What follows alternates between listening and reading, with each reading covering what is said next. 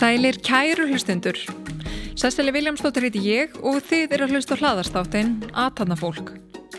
Ef þið viljið hlusta á fleiri þætti af Atanafólki og fá að vita þegar það kemur nýr þáttur í loftið, þá endilega fylgju okkur með að gera follow á Spotify eða á Apple Podcast.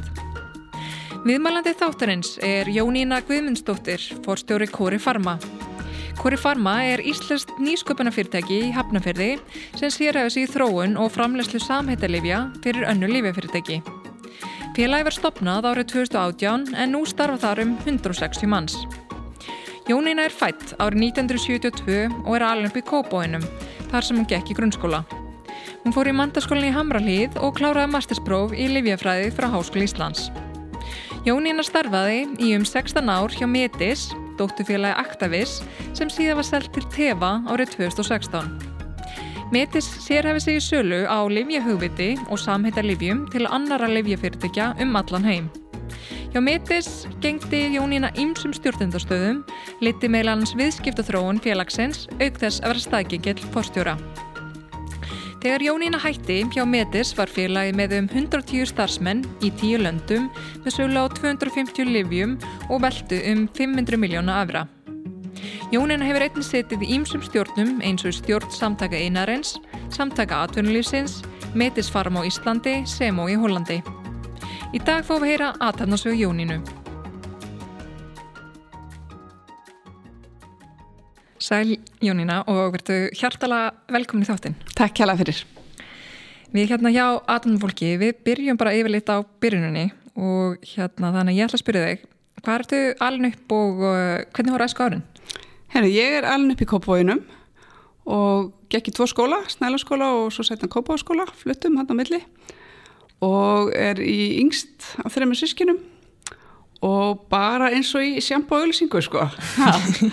voru bara, þetta er svona öðruvísi æskóður heldur kannski krakkatir í dag er að upplifa, finnst þetta svo mikið frelsi en það var heldur ekkit ólega dagskrá, engar stífar íþróttæfingar eða, eða einhver eftirskóla hérna, aktiviti, við vorum bara vinkonnar í einhverju búblu og bara minnist þess með mikill líu mm.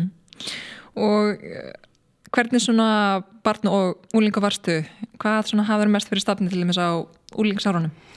Ég held nú bara einhvern veginn, þetta gekk bara allt út af, af vinkonur og félagslíf og, og samskipti við fólk og krakka og hérna verði ekki bara þetta típiska svolítið sko, að hanga saman og ég held bara á þessum aldrei svo eðlert að þetta er bara vininni nummer 1, 2 og 10 mm -hmm. og ég var engin undirtekning. Nei, akkurat. Og hérna síðan leikulegðin í MH, mentaskólanum við Hamralið og uh, ákveður að velja þann skóla? Sko þessum árum var aðeins öðru sér system, það voru hverfiskólar. Og þar sem ég bjóði í Kópói þá átti ég með lögum samkvæmt að færi í, í, í, mentaskólinn í Kópói en sískinu mín hafi verið þar og einhverju hluta vegna þá langaði mig alls ekki að fara þangað. Þannig að hérna og veitandi það ég kæmist alls ekkert inn í MH að hausti þá, þá fór ég til e, Breitlands í þrjá mánuði í svona ennsku skóla. Og tók reyndar alveg svona Cambridge uh, hérna exam og hérna fekk þetta mjög góða kennslu en doldið jam líka og hérna en samt sem aður eftir að higgja sko held ég að það hefði svolítið skapa grunninn af svona okkur sjálfströsti í að tala einsku mm. læriði sjúkla mikið orðaforða sem ég verður aldrei nota hvorki fyrir síðar en, en náðu svona sjálfströstin í einsku mm. en, en, en á meðan var ég líka að sækjum að komast inn í MH að hösti og og þetta er svona vapínu barningur, ég var búin að flytja lögheimilið mitt og, og mamma var búin að fara og tala málið mínu og ég held að mamma hafa endan flytt lögheimilið sitt líka. Þannig að þetta hafði snallt saman og ég byrjaði í MH að hösti mm -hmm. Greinlega mikið gert til að komast inn í MH Já, það var eitthvað hérna, auðvitað einhverja vinkunur sem voru komna rángað og eitthvað sem tókaði og, og hérna. En ég sé alls ekkit eftir þessu því að það var frábær kennsli í MH og þarna fekk ég algjörðan áhuga á var endur aðeinsveðbröð en svo voru svo flottir kennarar í efnafræði og líffræði áfengunum að ég endaði að ég að bæta náttúrufræðibröðin á mig líka og, og svona lagði grunninn af svona að finna sjálf á mig hvað var það svona áhuga sviðið svolítið sko. Mm, Þannig að þeirinn, þú hefur bara tengt þeirinn strax við þetta. Já, tengdi strax við þessi svona líffræði og, og, og, og svona lífeðlisfræði fög og svona, já, var tók hann að lífeðlisfræði líka í valáfangi en svo var náttúrulega bara rosa gaman líka og það var svaka stemming og hérna ég var í rittnefnd Benediktum og Raksjóppuna og svona var að reyna að vera með líka sko. Mm -hmm, akkurat, mm. það er náttúrulega lett að tvinna sér saman. Já. Var þetta góðin ásmaður? Já, já, ég var rosa góðin námsmaður og hérna svona mjög samvinskusum og ég var mjög upptekin að klára allar erfið áfangana sem fyrst var alveg harða ákveðin að klára á þreymur og hálfa ári og, og hérna og átti svo ég lekkit eftir á síðust önninu og satt bara í sjóppin og pjóra ránaði og, og sapnaði fyrir, fyrir dimmisjón og, og útsköldaferð Já, akkurat. Eh, En síðan eftir MH þá leikur leiðin í Lífjafræðina í Hálfleik Íslands.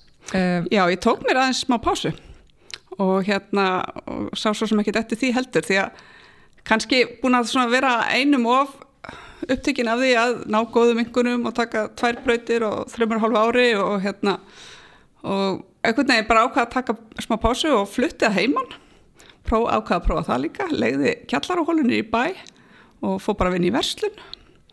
Og hafði hún enda líka unni í þvott á þessi og ég held að þessi líka bara holdt að átta sig á því að vilji menta sig meira að þetta sé ekki störf sem maður vilja en til að stoppi en var svona með fyrstu vinkonun sem flutta heimann og þetta var algjör félagsmiðstöð árin urður endar tvö sem ég tók mér í, í pásu mm.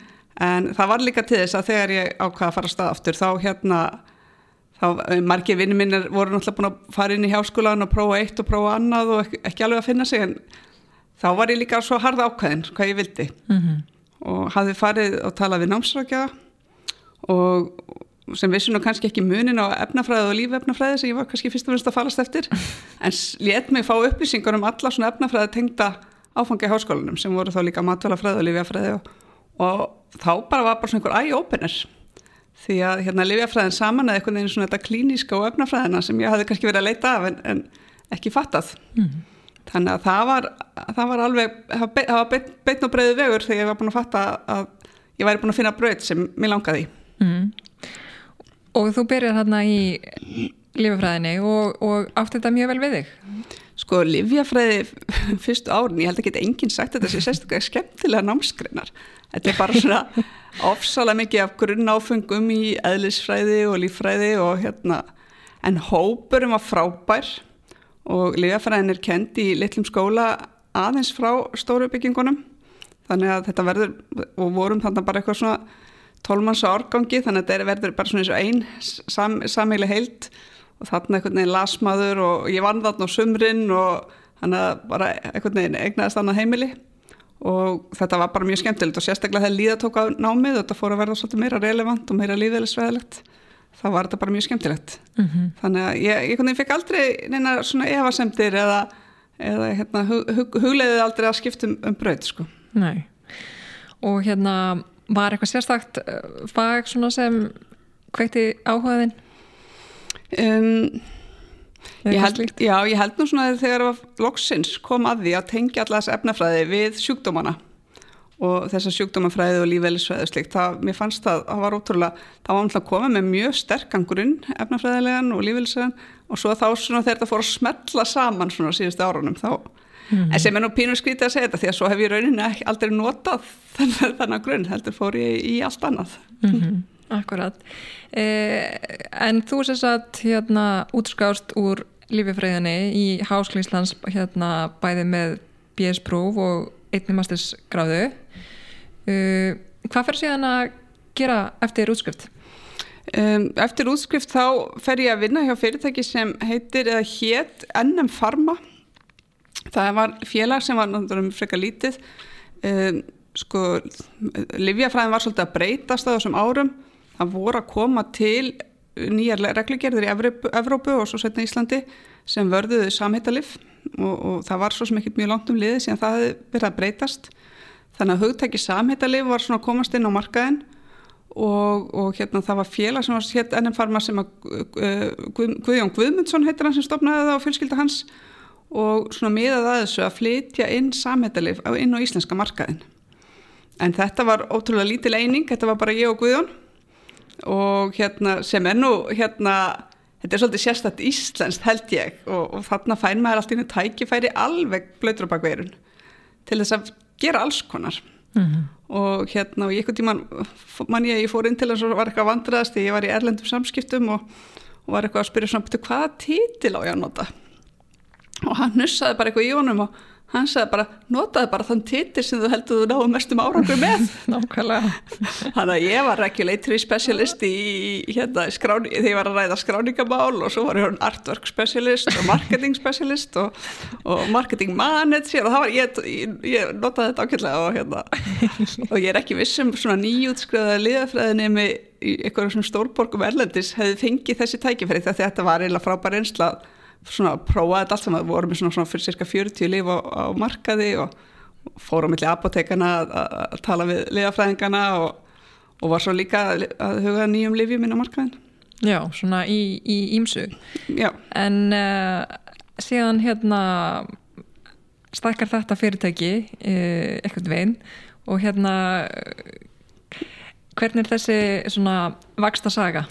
Já sko fyrirtæki er rauninni já stækkar og er svona til vandræða gagvart þessum rótgrónu samantilega fyrirtækjum í íslenska markaðnum sem þá voru sko lefarslinni ríkisins og, og Omega Pharma og Delta. Og það ferð svo að, að Delta kaupir félagið og, og þau saminast þarna bara strax í janúar 2021 og þá hafði ég verið svona eitt og halvt ár hjá ennum Pharma og komin vel inn í allt og, og fór var eini starfsmæðun sem fer yfir til Delta með ennum farma og, og hérna sé bara alveg um innleðingun á því inn, inn til Delta þannig að kem svona ná, ná, nánast nýjútskrufið en allt í norðin Delta-stjóri inn í, inn í þetta miklu starra félag Já. og hérna hvernig var það stökk svona yfir? Ég, ég, ég fagnaði þessu mjög og þetta sá maður aldrei kannski fyrir sér að vera þarna endalust eitthvað einn með með hérna, einn yfirmann með sér og bara fagnaði þess að komast í stærra umhverfi og með, með hérna, fullta kollegum, fullta skemmtilegu fólki. Og, og Delta var náttúrulega á skemmtilegum stað á þessum tíma. Þetta er, þetta er svona að það er útflutningurinn er að hefjast. Og á þessum tíma var rauninni lífa fyrirtæki Delta í Hafnafjörði þannig að það gildur rauninni engin engaleifi og þannig að þeir voru bara fyrst og næst að þróa fyrir íslenska markaðin en svo voru þeir svona byrjaðir að í kjölfar þessar reglugjarabreytinga í Evrópu sem að vera að samþykja þessi samhitta að lifja lög byrja að, að, að hérna, selja lif út. Og, og svo verður það þannig þegar ég er búin að innleiða ennum farma uh, inn, inn í Delta þá fær ég mig inn til innan fyrirtækisins og fer í einingu sem hétt Metis og sem var dóttufélag Delta. Og ég held nú raunar þegar að Delta fyrir að hefja útflutning þá ákveður þeir einhvern veginn að gera það undir nöfnum annars félags. Kannski svona svolítið til að mynda pínu svona venda kannski Delta framlýslu fyrirtækið ef það skildi einhvern tíma koma einhverja lagsöknir eða eitthvað slikt, þetta var alltaf allt svolítið nýtt. Uh, og þegar ég er að koma þarna inn til uh, Metis þá er þetta svona svo sem starf sem er búin, sem er búin að vera þarna eiga sér stað svolítið tíma, hann er svona svolítið að fara verulega á flög og ég held ég hef verið sjönda sjöndi starfsmæðurinn en þau voru farin að velta um 20 miljónum evra á þeim tíma. Uh, en það þetta var svo að fara á flegi ferð þarna var til mig nýbúið að stækka versmiðina í kjölferðið af samningu sem hefur verið gerð við erlendi liðfyrirtæki og, og þá kannski þannig að ég útskýri það þá, þá kannski á meðan að Delta var fyrst og náttúrulega að þróa sammetalif og framlega þau bæði til innlandsmarkaðar og í, í útflutning. Eh, þá er henni tekur metis hugvitið sem er þá, þá hérna, forskriftinnar og, og uppskriftinnar af livjónum og þeir selja það til annara samhæntilega fyrirtækja. Þannig að þessi samhæntilega fyrirtæki taka þá þessi liv, þau skráða í sínu eigin nafni en delta framleti fyrir þau. Og þetta er svona svo kallar B2B business og, og, en, en delta átti áfram hugvitið og, og en náða svona selja svona leifi að hugvitunum að segja og svo framlýslu getuna á móti. Mm -hmm. og þeir samningar sem voru búið að gera þessum tíma voru þess aðeins að það þurfti að stækka versmiðin á talsvert. Og svo fór það allt saman á flug svona skömm eftir ég kem það inn til, til Metis. Og, og við tekur mikið æfintýri mm. því að þarna voru að koma fara á markað stór liv sem náttúrulega veittu fyrirtekinu gríðalega mikið, mikið að vermaðum og, og kjölfarið þá breytist náttúrulega delta mikið. Og þeir fara, þau fara að kaupa markasfyrirtæki úti voru áður bara á íslenska markaðunum og fara að kaupa svona lítil markasfyrirtæki úti og, og selja þá þessi lif þar líka.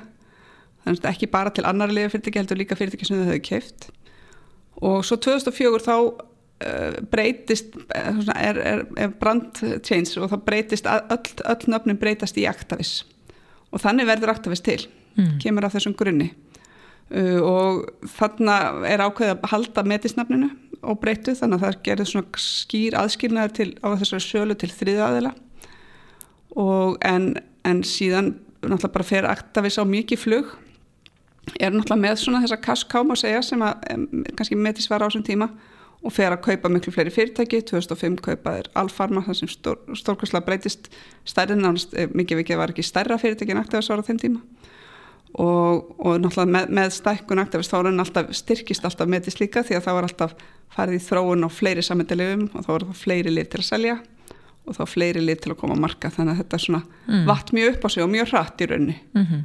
þannig að þarna eru við eh, þarna eru við sko að fjölga talsvært starfsfólki og, og hérna og fjölga talsvært bara fjölda samninga sem við gerum og, og ég fennir þetta í fæðingarólof 2005 og fæ stöðuhækkun í fæðingarálofinu mm. sem var áhugavert var reynda til þess að ég hérna, kom aðeins fyrir tilbaka mm. og, og fer að leiða svona viðskipt á þróuna teimi sem er snýstum það að vera í þessum samskiptum við önnu liðafyrirtæki og gera samninga. Mm -hmm. og rauninni mjög margt svona í tengslum við það og svona tryggja lifing fara á markað.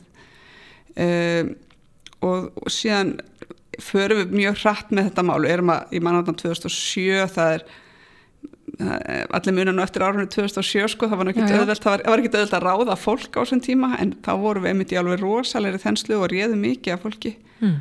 Og þá vorum við líka með svona stefnumótandi breytingar. Við ákvaðum að fara inn að fleiri markaði, fórum að ráða fólki í miðausturlöndum og, og, hérna mið, Latin Amerika fórum mannski í São Paulo og, og Dubai Rúslandi, Singapúr. Þannig að þetta var alls konar reynsla og hérna allt í nú komið með vinnulögjum þessar að landa upp á tíu og en þarna fór, fór þetta mikið á flug. Já, og hérna hvernig fannst þér svona að taka þátt, þátt í þessari alþjóða væðingu? Þetta var náttúrulega ofbáslega spennandi og hérna og tengslanetti greiði mjög hratt því að við vorum náttúrulega í rauninni viðskiptum við öll stærstu samandelega fyrirtæki í Evrópu og síðan náttúrulega þandist það net út rauninni til flestra landa, vorum aldrei í Ameríku en í flestra annar landa þannig að það voru mikil samskipti og mikil ferðalög auðvitað líka. Bjó alltaf á Íslandi og hérna og vildi svo sem aldrei raska því en við vorum metis voru líka alltaf bara með höfustöðunar á Íslandi og svo bara ferðuðist við þaðan. Mm. síðan er við svona í ákveðnum vaksta verkjum, þetta er alltaf félagi er að vaksa þarna. Ég þykki að segja 10% ég er og ég er í, í gríðala mörg ár. Uh, 2008 verður svona breytingans í struktúr og sá sem hafi verið yfir Metis fóreil upp í Frankværtastjórn Aktavis og ég tek við Frankværtastjórn hjá Metis. Og þá er ég ekki bara með viðskiptaþrónuna heldur líka vörðsöluna og, og, og samskiptin við versmiðunar og, og slikt þá vorum við komið með um, 60 manns uh, í undirmerkjum metis en voru náttúrulega að, að stuðningsnetið hjá Actavis var náttúrulega stiðað við þessa starf sem er rétt eins og sölustarfs með Actavis mm -hmm. Þarna ertu orðin fórstöru fyrirtækisins og varst í viðskiptutróun undan. Var þetta mikil breyting fyrir þig að taka við keflunu? Já, þetta var mikil breyting og, og, og, og síðan og var mikil breyting og, og kannski var þetta orðið á mikið því að þetta var, var svo mikil vöxtur á svo mörgu sviðum, þetta voru svo mikil vakstaverkir e, og auðvitað fylgdu við svolítið líka skipiritt breytingum hjá Actavis því að svo breytist þetta aftur skipiritt hjá Actavis og, og þá hætti rauninni frangotastjórn eða það hætti vera sko einhver fyrir metisinn í frangotastjórn Actavis. Og þá kemur Valur Ragnarsson sem var þá orðin forstjóri metis og ég fer í svona, var, þá breytti við líka titlun og þá var ég orðin uh, VP Commercial Operations. Þannig fór ég svolítið tilbaka í kjarnan og kannski það sem átti betur við mig líka mm -hmm. sem voru, voru viðskiptahliðin á þessu og þá styrtu við líka bara stóðirnar byggum til í rauninni uh, svona þrjúsvið, commercial, supply og finance og hérna keirðum aðeins og breyttu skipur ekki liti og eftir að heikja þrátt fyrir að, að hérna ég var nú kannski farið þarna tilbaka þá held ég að þetta hefði verið fyrirtækjum mjög til góða að, að styrkja stóðirnar svona. Mm -hmm.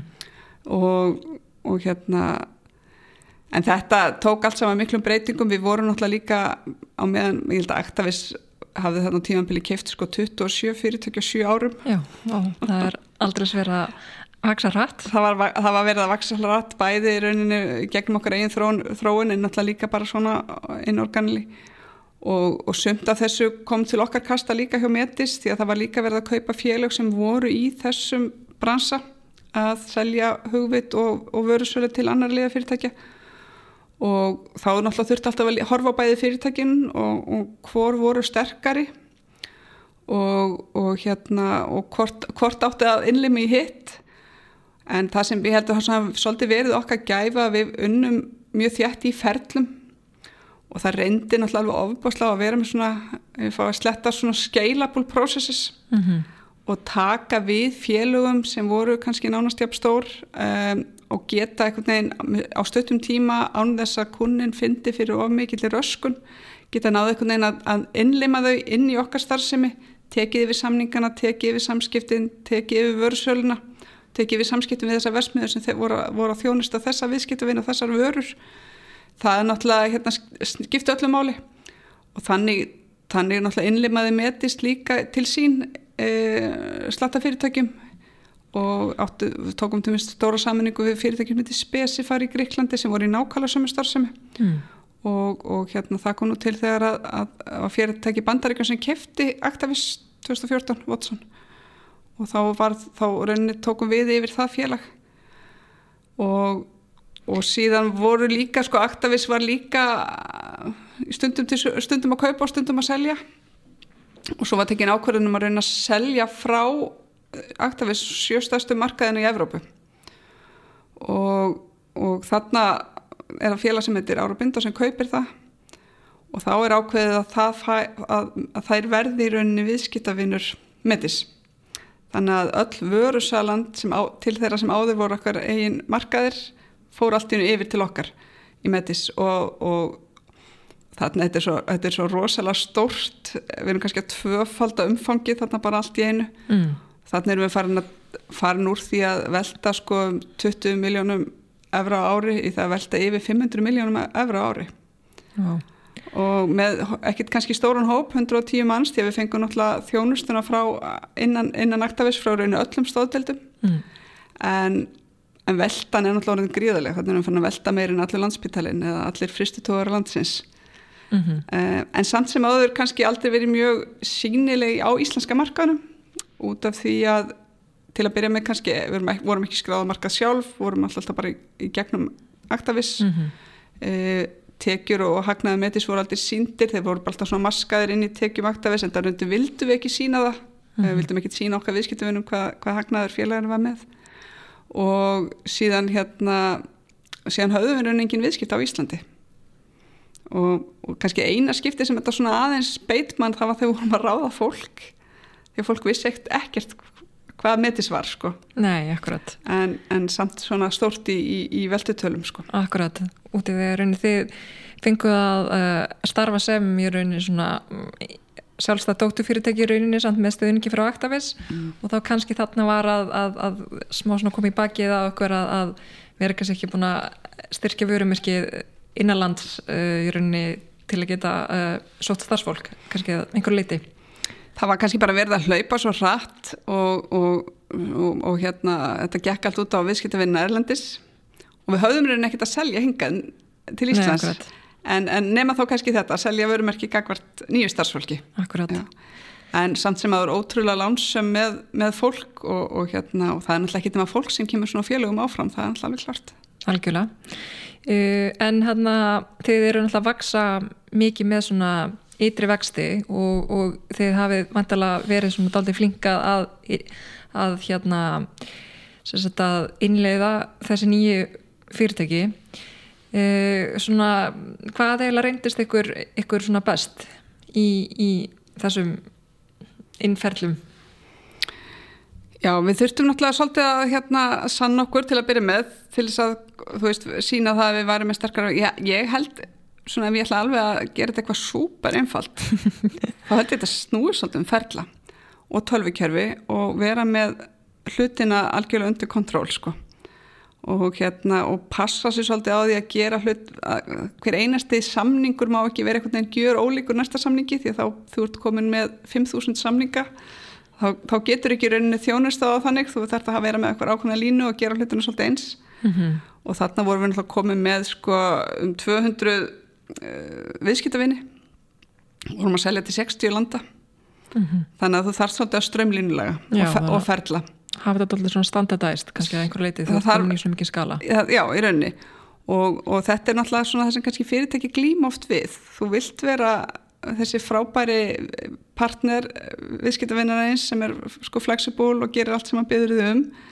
En á samaskapi þegar þú fyrir að skala það svona upp í, í þessu mæli þá, þá nærðu þið ekki og þá þarf þetta að fara að búa þér til eitthvað ákveðnar forsendur, heyrðu þessi við, við verðum að gera þetta alltaf svona því að við getum ekki, við erum með 63 ár versmiður og við getum ekki verið með mismunandi kröfur á versmiðuna fyrir mismunandi viðskiptavinni mm -hmm. Voru það upplefa hérna, mikla vaksta verki? Já, já, það voru fullt af vakstaverkjum og, og stundum uh, seldum við yfir okkur, seldum við og frætt og, og livjamarkaðurinn er, þetta er svona, þetta er kannski sá bransi sem er svona mest reguleraðar, það eru líklega engin bransi heiminum með, með smiklum reglugjörðum og hvernig hlutin þurfa að gerast. Og þú snýrið ekkert við, þú, þú hendir ekki einu lifi á milli versmiðja einhverja mánu, það er kannski tveggja ára ferli að ákveða að færa framlýslu eins livs millir tveggja versmiða og, og ef að til dæmis við seldum liv sem að hérna gekk mjög vel þá gáttum við hæglega að vera búin að sprengja afkasta getu og, það, og stundum reyndi þetta mjög á líka. Og það er alveg nokkra góðar sögur. Það, og náttúrulega þetta íslenska hugvit var ótrúlega, ég mandir einu einni einu dæmi. Við vorum með liv sem er stærsta lifi heima á þeim tíma, hittir aðtróðstatinn stærsti markaður í Evrópi var spátt og þróunateiminu í Íslandi hefði tekist að þróa liv sem að gætt farið fyrra á markað á spáni, það var engin annar með þetta og þarna við vorum við í ótrúlega lúksustöðu að, að hérna geta raunni valið okkur viðskiptuvinni á spáni fyrir þetta allra stærsta liv og komið um fyrra á markað. E, mikið læti og mikið, mikið planað. E, þarna á þessum tíma þá var hluteld e, samhættalefja á spáni kannski svona 5% þar segja þegar að engalegin fjallu þá, þá kannski snýrist markaðurinn í 5% samhættalef nú við gerðum á þessum tíma ráð fyrir, að, fyrir þetta lif sem var svo stort það við myndum ná 10% markaðslutild og sem var gríðarlega mikið magn.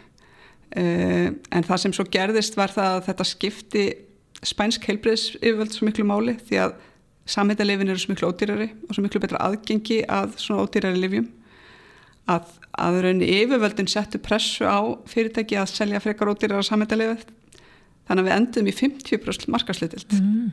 Á spáni, engin annar samhættalefið ekkert annar samhættalefið fyrirtæki. En auðvitað var þetta svo langt yfir okkar vendingum að, að við réðum illa við þessu eftirspurt þannig að þannig ertu komið með eitthvað sem er frábært tækifæri sem snýst upp í náttúrulega ákveðna martröð því að kunnin öskrar eftir vörunni mm -hmm. en, en framlýslu geta hann ekki fyrir hendi. Nei, hún þarf að fylgja með. Það þarf að fylgja með. Og þú breytir henni ekki svo rætt Nei, akkurat, mm. sérstaklega þessum ekki, gera Ekki þessum gera, sko, já. Nei, akkurat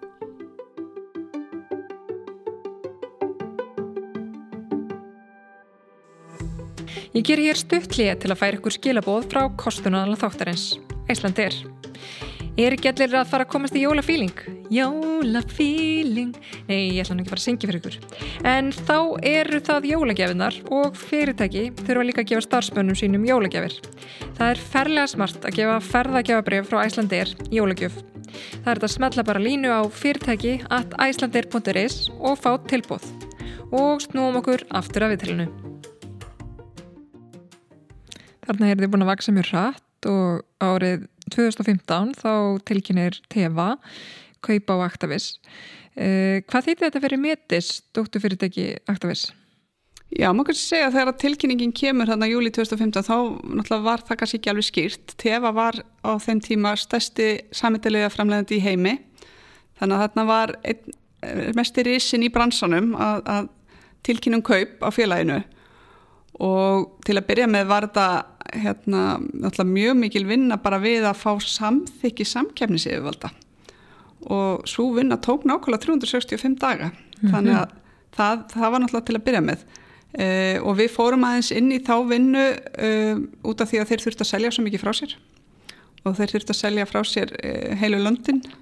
Og þá gerist svipað eins og þegar Actavis seldi frá sér Evropalöndin 2014 að þá örðu þau lönd viðskiptavinir hjá Metis þannig að, að til að byrja með var þetta mjög mikil vinna í svona slíkum málum og mikil vinnu gagvart bara Evrósku samkjöfnislagastofnunni að, að að hérna, sam, hvernig við gætum samþætt reksturinn á þess að verða of stór. Og svona fyrir hönd metis þá tók ég svolítið þátt í þeirri vinnu. Fyrst og fremst út af þessari aðkomi metis að, því sem þurft að selja frá sér. Mm -hmm. og þarna á rauninni má kannski segja byrjaði ég að, að hérna, fara í allt, allt aðra ráttir uh, var með frábært samstagsfólk sem bara tók á sig endalust mín verkefni og, og ógs í starfi bara mm. eins og allir gera þegar þeir fá tækifæri og, og hérna og leiðbenningar þannig að þarna hætti ég svolítið má segja að vera í eins miklu samskiptum við viðskiptavinni og vera í eins miklu svona, hvað sé að reyna að koma reksturinnum áfram og skrifundi samninga held ég hef neitt um að tala það saman ég hef sko skrifað undir 5.000 samninga. Þannig að hætti ég, hérna, að lesa samninga. Og, og, og var þetta fyrir tíma hérna ráðræðna undirskrifta? Fyrir því, já, það eiginlega kom ekki fyrir í COVID sko. þannig að hérna og fór bara alfarið í þetta risastóra verkefni þegar að tefa kaupiræktavis fyrst í, í samkjöfnismálinn og, og að taka við þá þeim félögum og undirbúa komið þessara félaga sem við skilta vinna þegar að þau færu í gegn. Eh, en svo var náttúrulega hitt sem var stóramálið eh, tefa náttúrulega kaupir aktavis ekki síst fyrir þeirra markaslutild og, og, og hérna og, og koma sér bara þessi, þessi krafa um vöxt. Eh, en voru kannski ekki mikið búin að spá í þessu, þessu fyrirtæki metis sem fylgdi með. Og þetta tók allt svolítið tíma en svo náttúrulega kemur röðin á okkur að fara í svona stratetífinu og hérna og það má kannski segja við höfum lagt fram tvær sviðsmyndir. Og það var þá annars vegar að, að þetta risastóra félag myndi taka sér til og ákveða að vera með þessi svona third party business sem var, valla, var til í mjög litlu mæli hjá þeim. Og það þýtti það að þeir stiðja það þegar það er mikið, mikið stuðning. Eða þá að, að félagi myndir heila bara selja það frá sér og það var niðurstaðan auðvitað var líka félagi að taka stór lán til þess að fjármagn kaupin áttavis þannig að þetta hendaði þeim kannski ekki dilla heldur vandaði þarna fjármagn mm.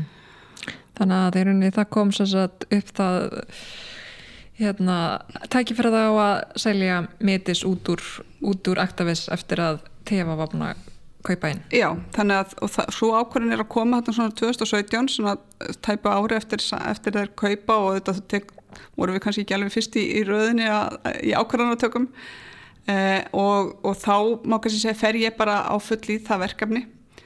Eh, hafði aðeins auðlast reynslu í að vera í, í tengslum þarna við þarna þegar Actavis og hvað átt að selja, selja frá og hafði verið aðeins tekið þátt í því þannig var aðeins komið reynslu. En þetta var rosalegt verkefni og því lík reynsla og mikil mentun, segist um þetta hafi verið MBA námið mitt.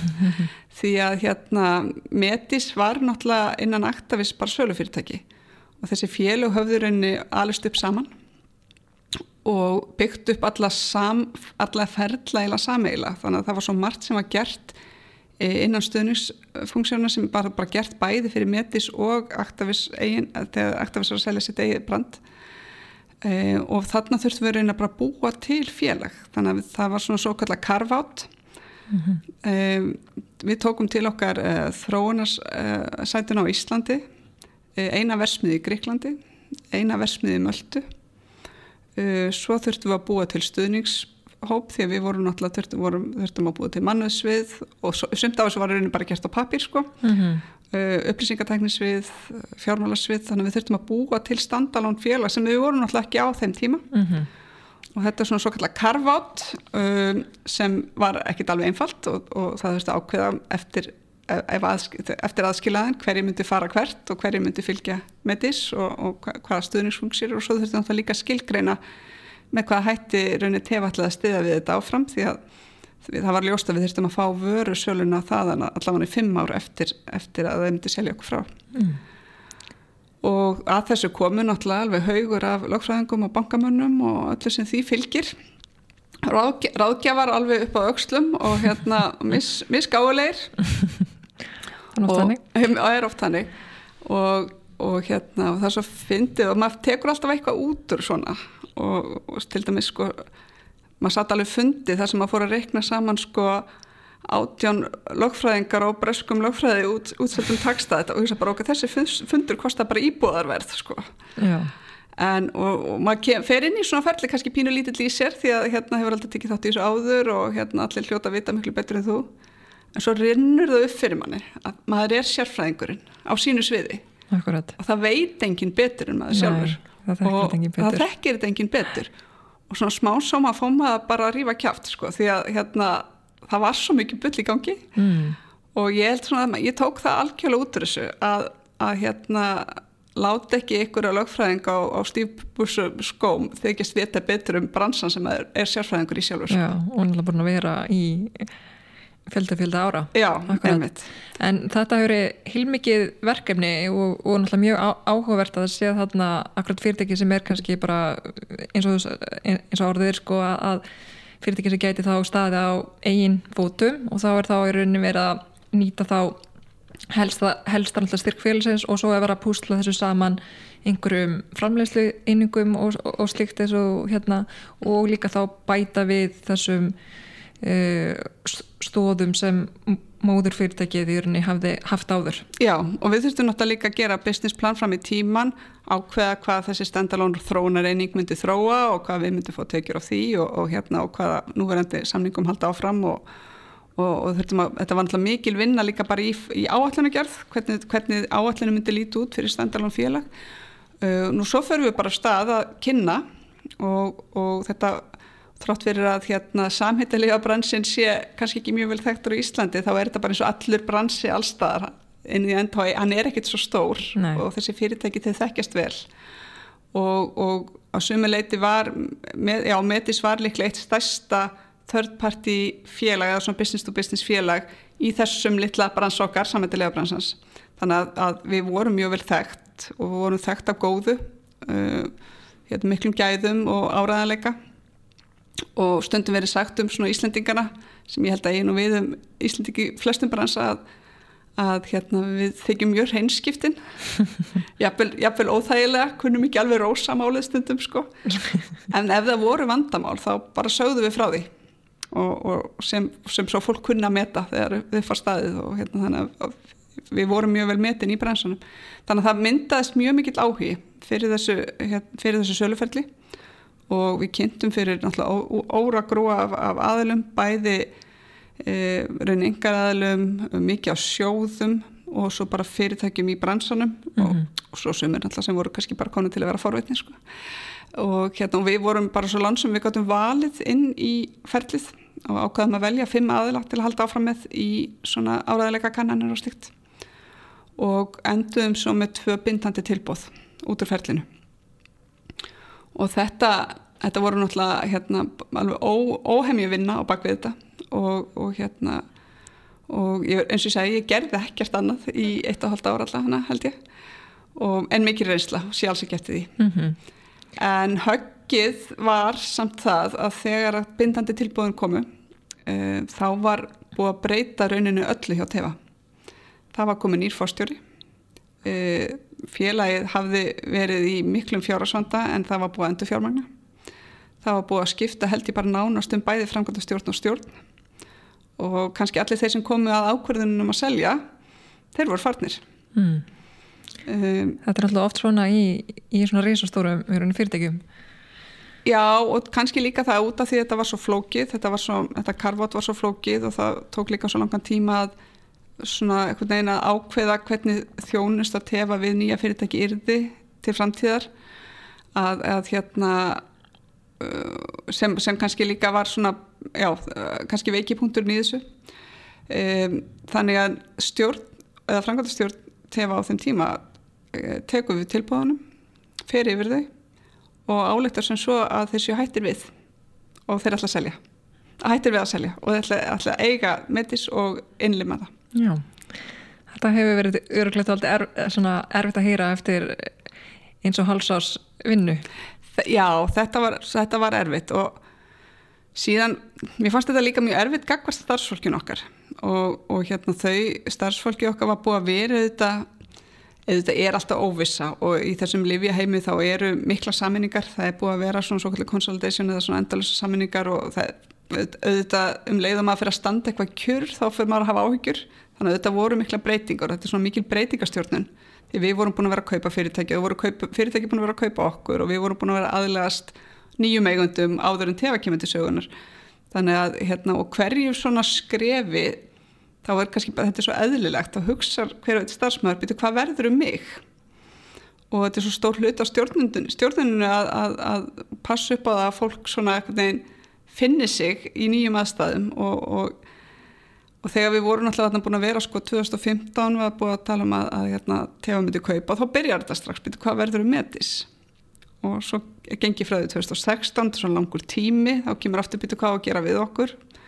Svo kemur pínu sjokk 2017 byrju þá að selja okkur, byrju vildu þeir okkur ekki? Hvað verður nú um okkur? Mm. og Og, og hérna og við lögðum miklu áherslu þá ég held að sumiliti hafi það kannski tekist vel full, og kannski full vel sko að við náðum, sem, við náðum góður stemmingu í hópnum fyrir þessu söluferli. Að þetta væri spennandi og, og hérna við værum við vildum koma með þess frá tefa og, og hérna tefa bara svo, var svo stórt og það var svo erfitt fyrir okkur að, að vera innleimast tangað inn. Og hérna og það, þetta væri bara spennandi og við náðum starfsmannahopnum mjög á bakvið okkur í þessu. Og það var ótrúlega mikil stemming fyrir þessu. Mm -hmm. Og svona hvaða leiði fóruð í því? Þetta er bara upplýsingagjöf. Ég held einhvern veginn að, að hérna, allir, sem hafa, allir sem hafa verið í einhvern stjórnum það átt að segja á því að það er eiginlega alveg sama hvað þú veitir miklu upplýsingar, það er alltaf ákallu meiri upplýsingar. Og, og vorum bara frekar opinn með ferlið, sáðum eins mikið við gátum. Og hérna fólk fylgist náttúrulega bara vel með þessu líka og, og hérna og, og kannski byggum til svona þessa sín svona the light at the end of the tunnel sko.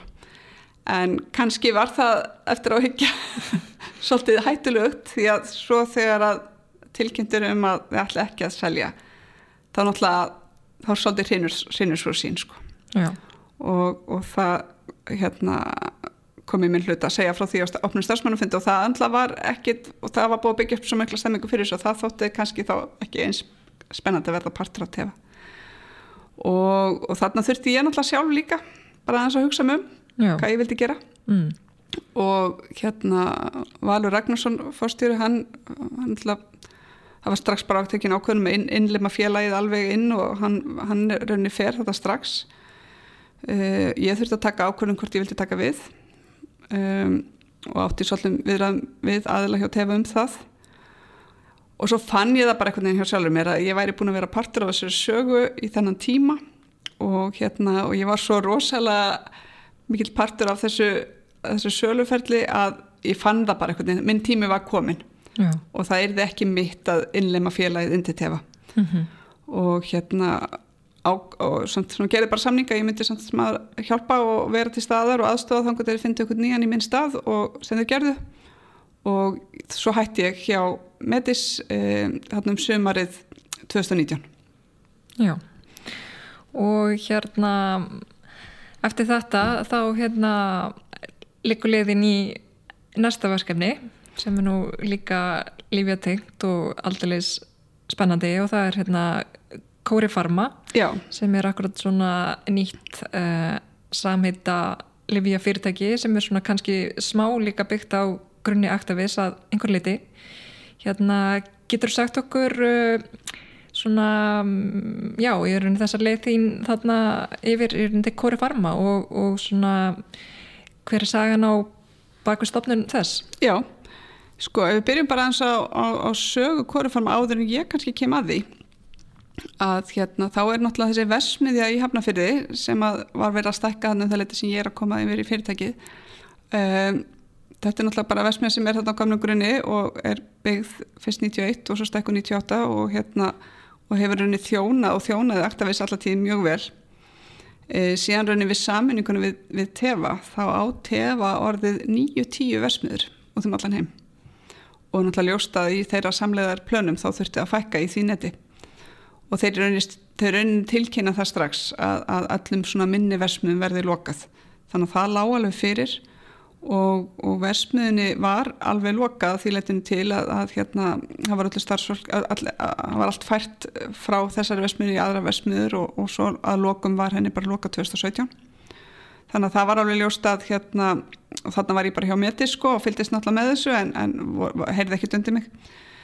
Uh, og síðan rauninni þegar samþættingin heldur áfram hjá Tefa þá uh, 2019 að loka öllum þróunaversmiðum eða þróunasætum sem væru ekki við hlýðin á versmiðum og þannig var rauninni íslenska versmiðan þar undir þannig að þegar var búið að taka ákveðunum að selja ekki metis og þar með þessa þróunaversmiðu að þá er, er þið henni annarkvæmt seldið að lokuð líka. Þannig að þetta var svona stæstu kannski eignir aktafis Íslandi. Mm -hmm. Það er okkur verksmiðan sem er þá í hafnafyrinu. Sem er í hafnafyrinu. E, nú þegar henni var lokað 2017 þá fara nú svona fyrirvendi stjórnendur versmiðunar og, og svona fólk með einhver peningar áhrif að tala saman og það er settur saman fjárfestahópur sem svo 2018 kaupir húsneið og versmiðuna og rauninni ekki bara versmiðinu því að það var, ekki, það var ekki búið að færa neinar vélar útrunni þannig að þetta er rauninni versmiðan með öllum, nánast öllum vélunum og, og rauninni enda þeir á að kaupa fyrirtæki sem átti húsnæðið. Þannig sem að kaupa Actavis HF og þar með kaupa í rauninni sko það er þetta sama félag og var svona samþyktur lífaframleðandi þannig að þá kaupa er allt, þá kemur fellur allt gæðakerfið og rauninni nafnið undir sko. Þannig að þetta er 2018 uh, og síðan bara fljótlega eftir þegar að þá þróunarversmiðan kemur til sölu líka þá þá er aukið í hlutafjöð og, og það keift líka. Þannig að þarna er það þessi fjárfestahópur búin er að kaupa uh, versmiðuna, þróunasættuna og skristahúsnaði þetta. Rauninni allar, all húsnaði Aktafis Íslandi og, og þetta er yfir 17.000 fermetrar wow. sem þetta, þetta telur. Smá. það er sko ekkit smánefla og, og hérna þetta er svolítið óvennilegt startup á þýlitinu til að það er svo eignaríkt strax í byrjun. Strax í byrjun, einmitt En, en síðan er bara farið á stað þarna 2018-19 eh, í að hérna bara rauninu að mest, mestuleiti bara endur áða fólk og sérfræðinga til að koma fyrst framleyslinu og síðan þá eh, líka þróuninu. Mununum var samt svo að allt starfsfólki var hætti í versmiðinu meðan þróunum bara færðist yfir með mann og mús en eru algjörlega á sama kampus og eru í, í samtengtum byggingum. Mm -hmm. Og hérna, eh, hvað er svona Kóri Farma að gera öðruvísi heldur naktafis? Hvernig sínin hjá auðvunni Kóri Farma? Já, einmitt, sko, Kóri Farma er e, samhittalifja fyrirtæki og eru þá að þróa samhittalif e, og sölustarfsminn er eins og hún var hjá Metis, það er að segja að selja hugvitið sem að Kóri Farma þróar e, til annar liða fyrirtæki að, að gefa svona svo kallar læsins á það gegn því að framlega þau lif svo fyrir viðskiptuvinn erlendis Þannig að þetta var strax á þróunum að koma hann undir, þá var þetta orðin, orðin sínin. Fyrst var bara að framleiða fyrir önnulegu fyrirtæki en svo bætist þróunin við, þá kemur þessi þróunar inn. Það er svona gæfa fyrirtækisins klárlega uh, og, og, hérna, og eru svona að fara á stað í þessa vegferð þegar ég kem inn í félagið í stjórn fyrst uh, í april 2020 og þá var ég búin að taka smá frí sem var dásamlegt og, og komið mikla ró í hjarta mm. og Hvað... fannst ég geta gefið af mér í, í svona startup. Hvað hérna gerir í fríinu? Ó, ég vil ekki segja þetta, það var geggja frí. Það var svona hálfleikur því að ég var búin að vinna í 20 ár og sá fyrir mér, ég ætti kannski eftir að vinna í önnur 20 þannig að ég sá þetta bara fyrir mér sem hálfleik. Þetta myndi kannski tækifæri sem kemi aldrei aftur. Og, og ég var kannski pínu áverksamt sko. En, en hérna ég hérna fór í kvennaferðir erlendis og ég gekk í kór og prjónaði lópapeysu og fór í jóka og alls konar leik fyrir mig og vænaði og dænaði með öllum hópunum mínum og þetta var bara æðislegt og get ekki mælt náðu mikið því að taka sér hálfleik. Vel gert. En hérna vel kvíld úr, úr, úr hálfleiknum þá Já. hérna leggur á, á stað í, í þetta nýja æfintýri Kórin Farma og svona og þú tekur við sem fórstjóri fyrirtækisins. Uh, hvernig kom það til? Þú byrjar hérna fyrst í stjórnunni og hérna og síðan tekur við fórstjóri starfinu. Já, eh, á þessum tíma var einn af stofnundum félagsins og eigandum Bjarni Þorvarsson var fórstjóri og, og hérna byggðum um að koma í stjórn og þarna voru í stjórn líka bara mikið af svona mjög góðu fólki úr geiranum, þetta var svona blanda af, af, af sagt, bransafólki og, og, og fjármálafólki. Og mér fannst ég hafa mikið að gefa í einan hóp, sérstaklega út af því að, að hérna, viðskipta mótili var mjög svipað því sem við vorum að kera hjá Metis. Og fer svona að, að, að, benda bjarna á og, og hann bað mig um það líka að hérna, veist, hvernig við getum gert hlutin öðruvísi og var svo sem ekki búin að vera lengi stjórn sem ég seti að hafa verið stiðst að stjórnarsettar all, all, allra tíma, ég held ég var náð einu stjórnarfundi. Þegar að Bjarni spurt hvort við ekki bara skiptum sæti og hvort ég sé tilbúin að setjast í fórstjórastólinn og hann bara fari í stjórn í staðin og, og þetta bara tímasetningi var rétt. Mm -hmm. og ég fann að ég gætt gefið að mér og, og, hérna, og ég var svo sem búin að vera aðeins svona farin að staða og hugsa hvað ég vildi gera. Og mitt tengslan er allt erlendis og þetta var náttúrulega svona að pínu æg-ópenni líka að átta sig á því að eftir 20 ára starf og, og, hérna, og miklar áskoranir og, og mikinn vöxt, bæði persónulega og líka leitt fyrirtæki sem var í hérna, miklum vexti þá þekkti ég engan á Íslandi og enginn þekkti mig mm.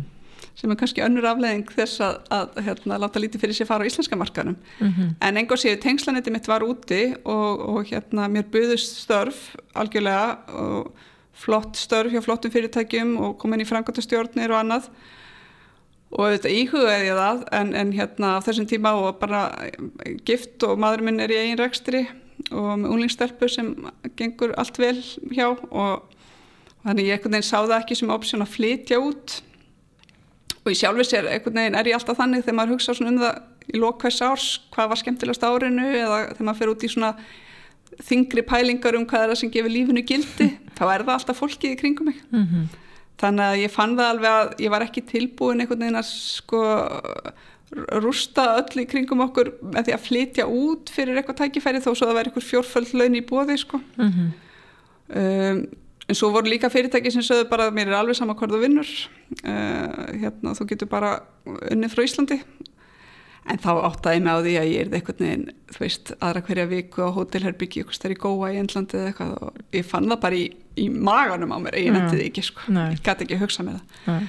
þannig að þetta bara eitthvað neginn, þetta var réttur tími og, og hérna svo bara brann ég svolítið fyrir þessu þetta er eiginlega með ólíkindum að við höfum látið einu liðaverspiðin á Íslandi loka og það var engin umfjöllun. Það var, það var rosalítið um þetta rætt þegar henni var lokað.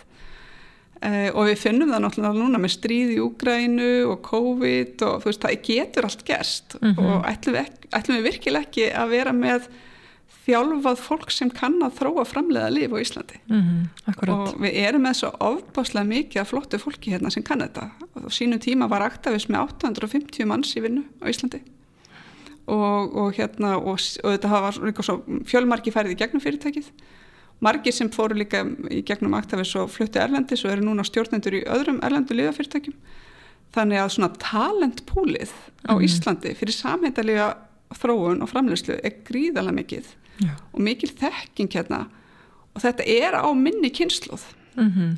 ef að við höldum þess ekki við þá gerir engið það. Ef við missum þessa kynslu frá á þess að þjálfa næstu Mhm. þá kann þetta engin Mhm. og ég fann alveg að hérna að ég, ég brann fyrir þessu.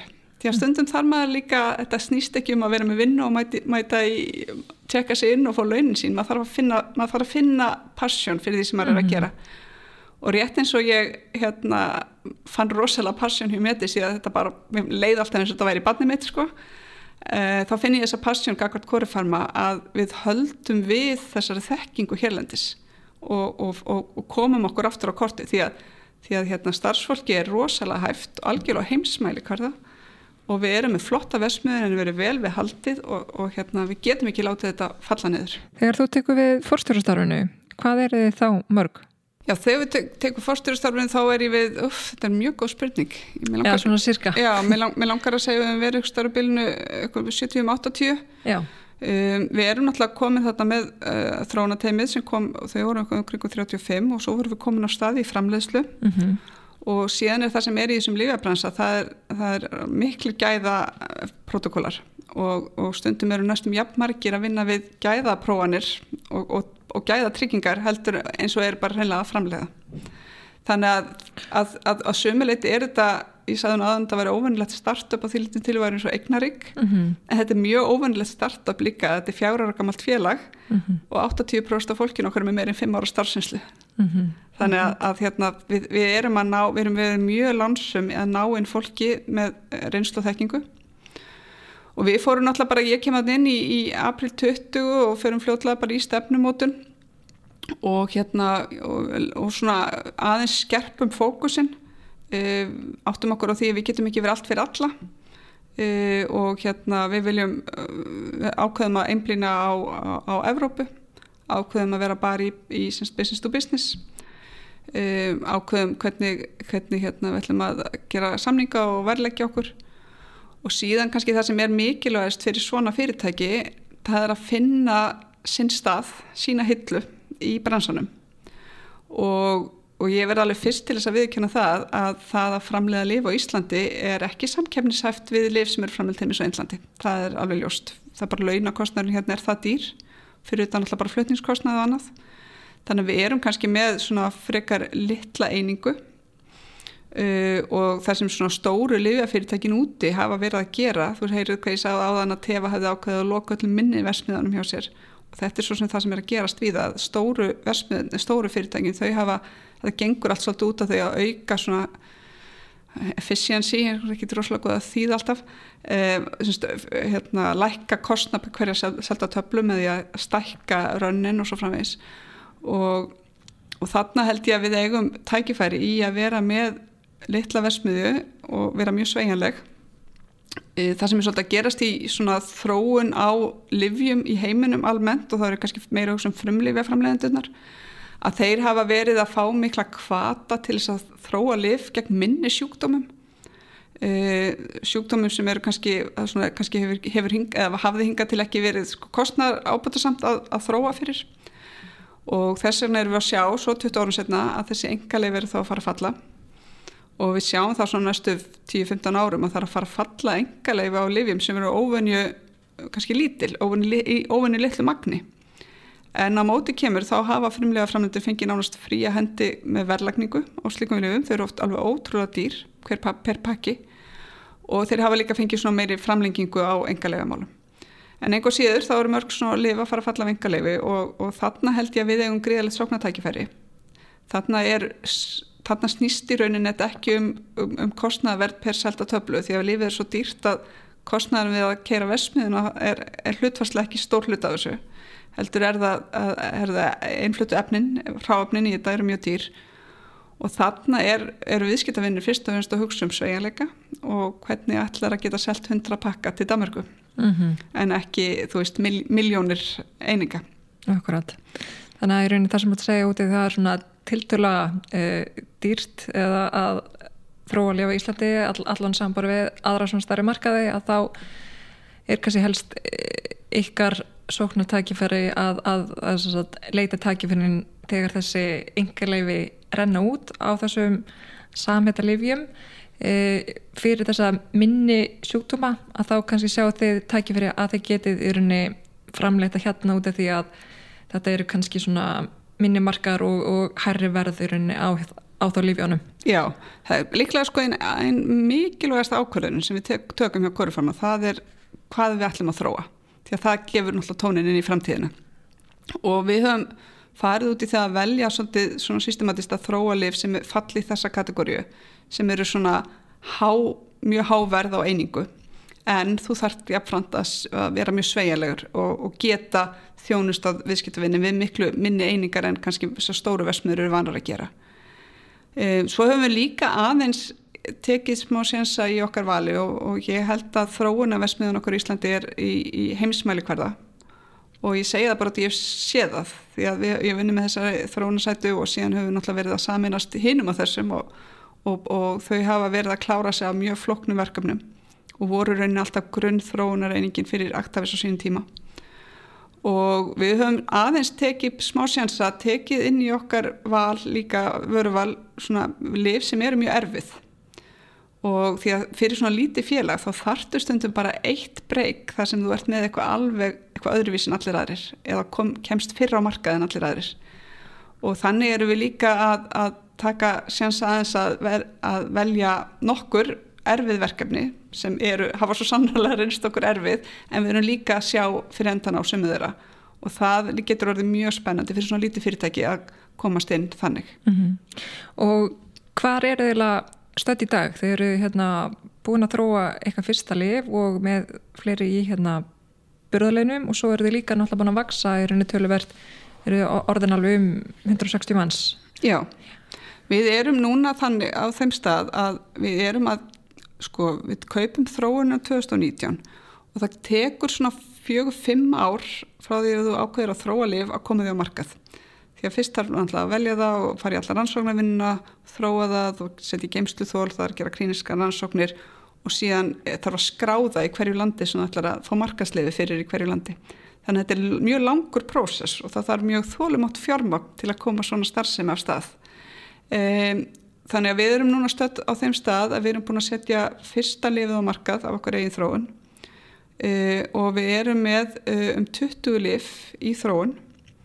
Uh, þess, í lók þess ás verðum við búin að klára átta í þróun og þau eru þá komin í svona svo kallan skráningafassa og við erum núna, það er svona svolítið uppskjöru tími, við erum náttúrulega búin að fjárfesta gríðala, við erum að fjárfesta fyrir svona 10 miljónir evra á ári í þróun og þetta er svona, það er mjög skemmt búið að vera mjög skemmtilegu núna hérna haustið því að erum, það er svona pínu uppskerið tími, við erum að fá úr síðustu uh, rannsóknunum og erum að bara ekki að loka hönd á, á talsett mörglif sem er mjög gott að sjá því að þetta er það sem við kannski sögðum fyrir tveimur árum við ætluðum að gera og nú erum við að komast ángað e, þá náttúrulega fer á stað svona svolítið langt og stránt e, skráningaferlið þannig að við búumst ekki við að flest lifin okkar fara ekki á marka fyrir 2024 og síðan fara þá svona fjög-fimm lif á ári á markað eh, eftir það. E, þannig að eitt er að þróa og koma þessi skráningu en, annað er náttúrulega við þurfum samt sem áður að koma versmiðin á stað og við höfum gert það þannig að við höfum tekið að okkur uh,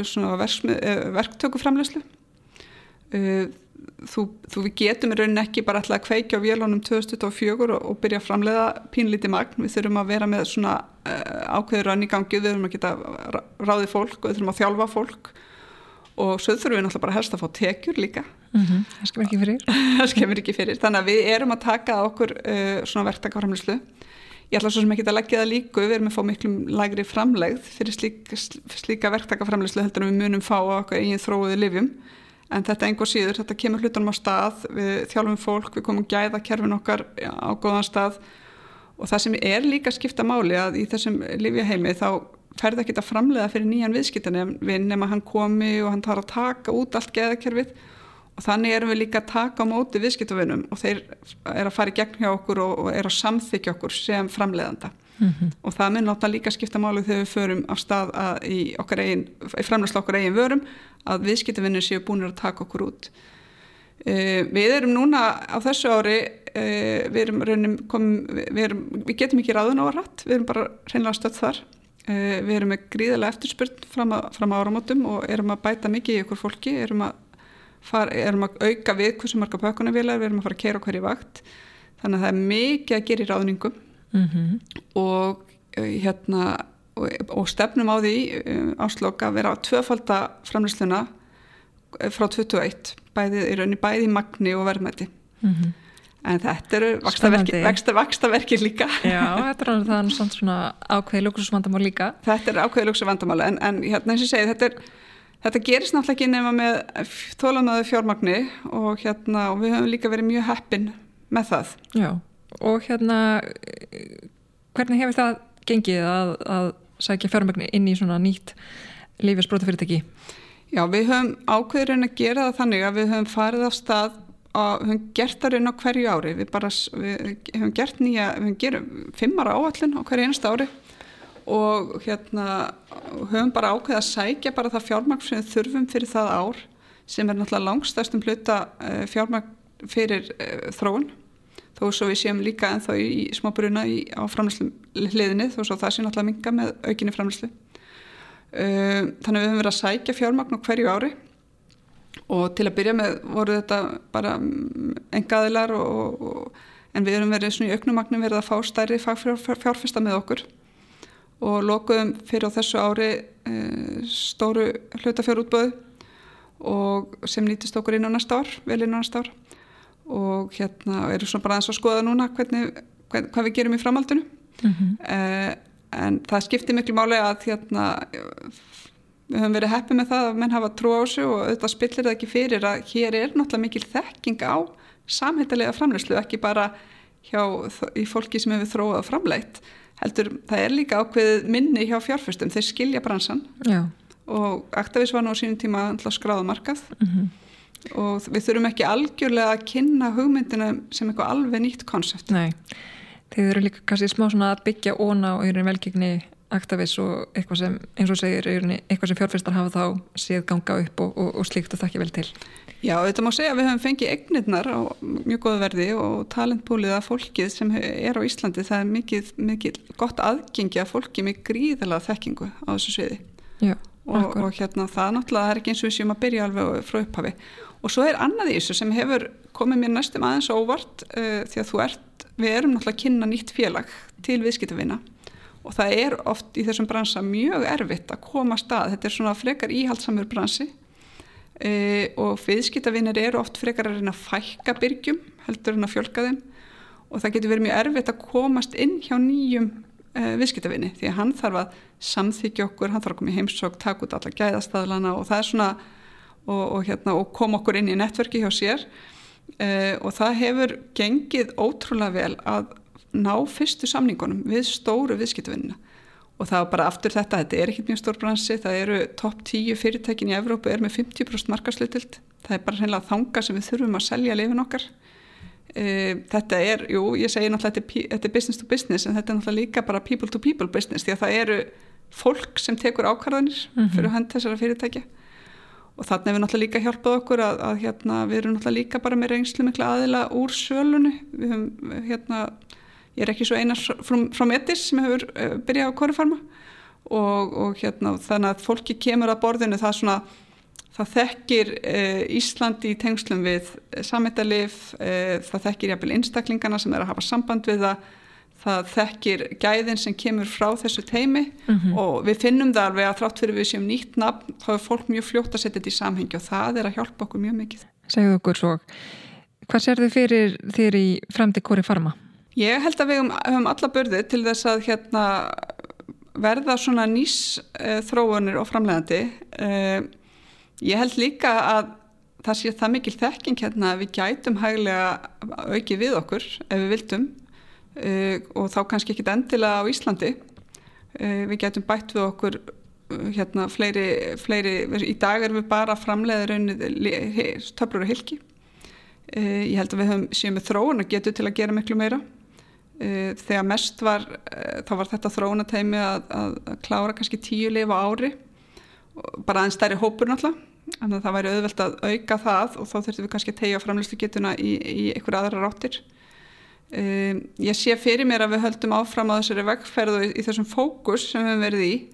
Uh, og hérna ég held að við höfum alla börði, við, við munum kannski smá saman minga verktökuframleyslu uh, en auka þá framleyslu getuna smá saman meira fyrir okkur eigin, eigin þróðilif mm -hmm. og við erum að sjá svona eh, algjör turnaround svona 24-25 þá fyrir við að vera cash positív og, og EBITDA positív og þá er hægt að fara að hérna, byggja félagið á annan hátt og hérna og það verður ekki eins háðið utan að koma til fjármagni mm -hmm. og hérna ég held þetta sé bara greiðilega spennandi. Mjög spennandi En hvað finnst þér svona skemmtilegast af þessu?